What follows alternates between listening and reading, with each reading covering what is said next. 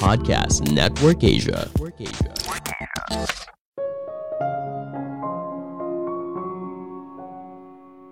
Pada akhirnya, bukan soal apa yang kamu katakan, tapi apa yang orang itu dengar.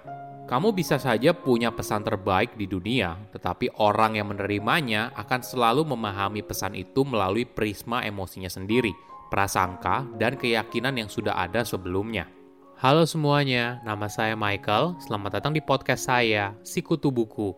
Kali ini saya akan bahas buku Words That Work karya Dr. Frank Luntz. Sebelum kita mulai, buat kalian yang mau support podcast ini agar terus berkarya, caranya gampang banget. Kalian cukup klik follow. Dukungan kalian membantu banget supaya kita bisa rutin posting dan bersama-sama belajar di podcast ini.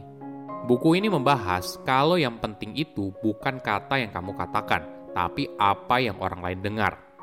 Bahasa dan kata-kata yang kamu gunakan sangatlah kuat.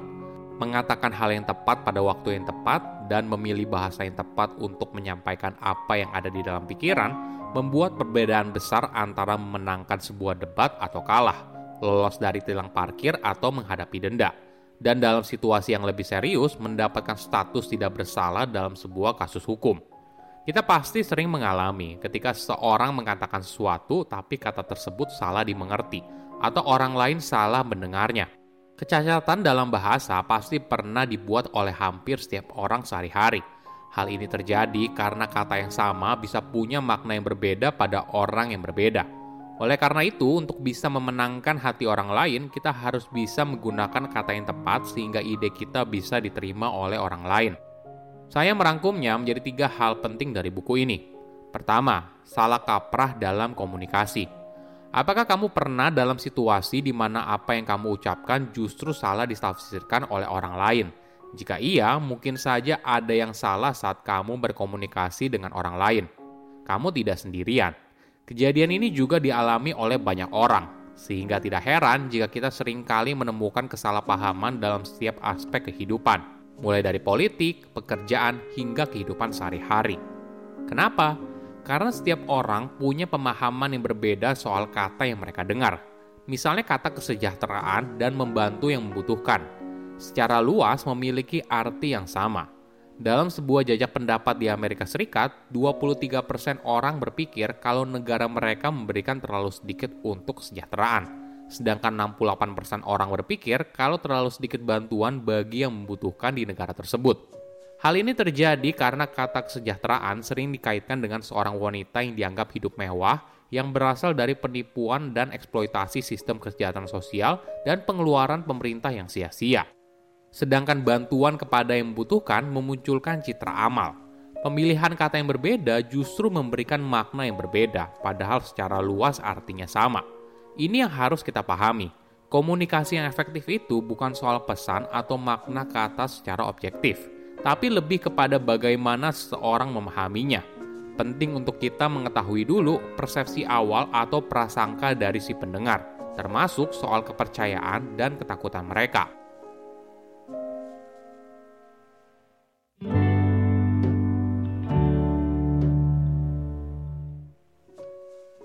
Kedua, gunakan kata yang mudah dimengerti. Bahasa itu harus sederhana agar cukup mudah dipahami orang lain. Semakin sederhana dan pendek sebuah kata, maka hal ini akan mengurangi kesalahpahaman seseorang dalam memahami makna dari sebuah kalimat. Wajar saja, walaupun setiap orang punya akses untuk membuka kamus, hanya sedikit yang benar-benar menggunakannya untuk menambah kosakata mereka. Secara umum, masyarakat jarang memahami kosakata yang rumit. Sebagai contoh, kampanye politik I Like Ike oleh calon presiden Amerika Serikat Dwight Eisenhower pada masa itu masih dikenang oleh banyak orang. Sedangkan pada tahun 2004, John Kerry kalah dalam pemilihan karena rata-rata orang Amerika tidak dapat memahami kosakatanya yang canggih dan rumit. Alhasil, masyarakat tidak memahami pesan yang ingin John sampaikan. Bahasa juga punya efek yang menarik. Bahasa dapat memantik imajinasi dan memikat panca indera. Misalnya ketika ada orang yang bilang kalau ada seekor beruang yang sedang duduk di atas sepeda beroda empat.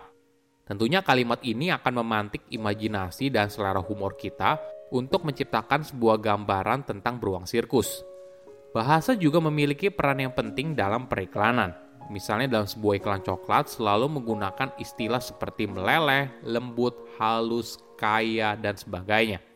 Kata-kata ini menarik imajinasi kita, di mana kita dapat memvisualisasikan betapa lembut dan enaknya coklat tersebut sambil memikat panca indera, membuat mulut kita berair dan mendorong kita ingin makan coklat.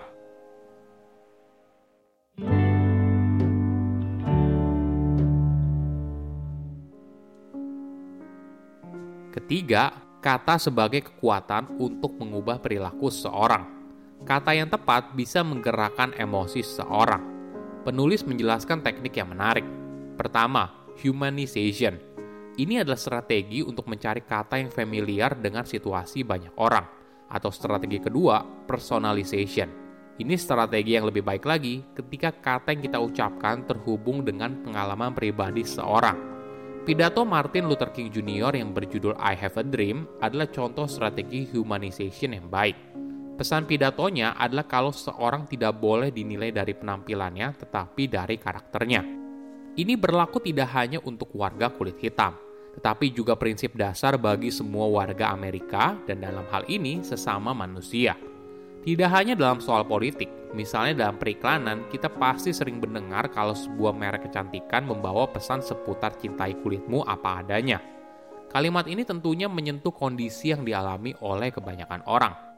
Kita juga bisa menggunakan kekuatan dari sebuah kata dalam kehidupan sehari-hari.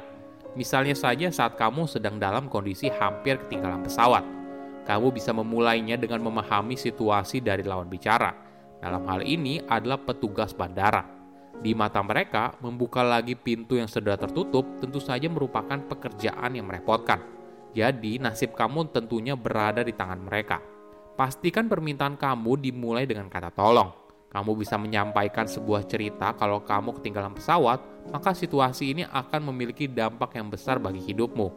Sebagai contoh, kalau ini merupakan keadaan keluarga darurat atau interview panggilan kerja, sesuatu yang bisa dengan mudah dipahami oleh orang lain karena kemungkinan besar mereka pernah ada di posisi tersebut.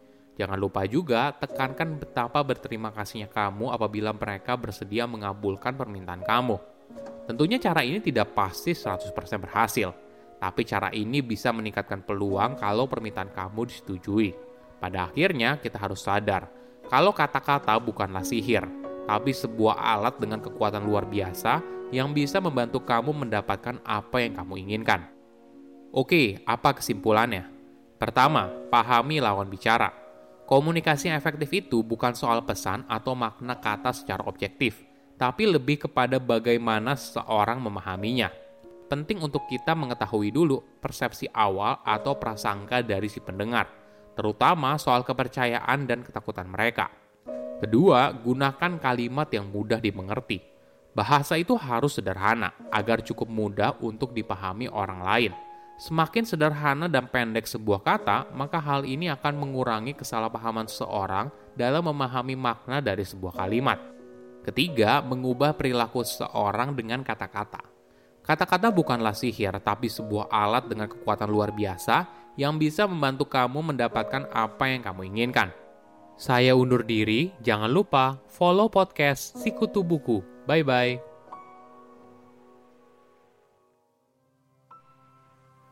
Pandangan dan opini yang disampaikan oleh kreator podcast, host, dan tamu tidak mencerminkan kebijakan resmi dan bagian dari podcast Network Asia. Setiap konten yang disampaikan mereka di dalam podcast adalah opini mereka sendiri dan tidak bermaksud untuk merugikan agama, grup etnik, perkumpulan, organisasi, perusahaan, perorangan, atau siapa pun dan apa pun.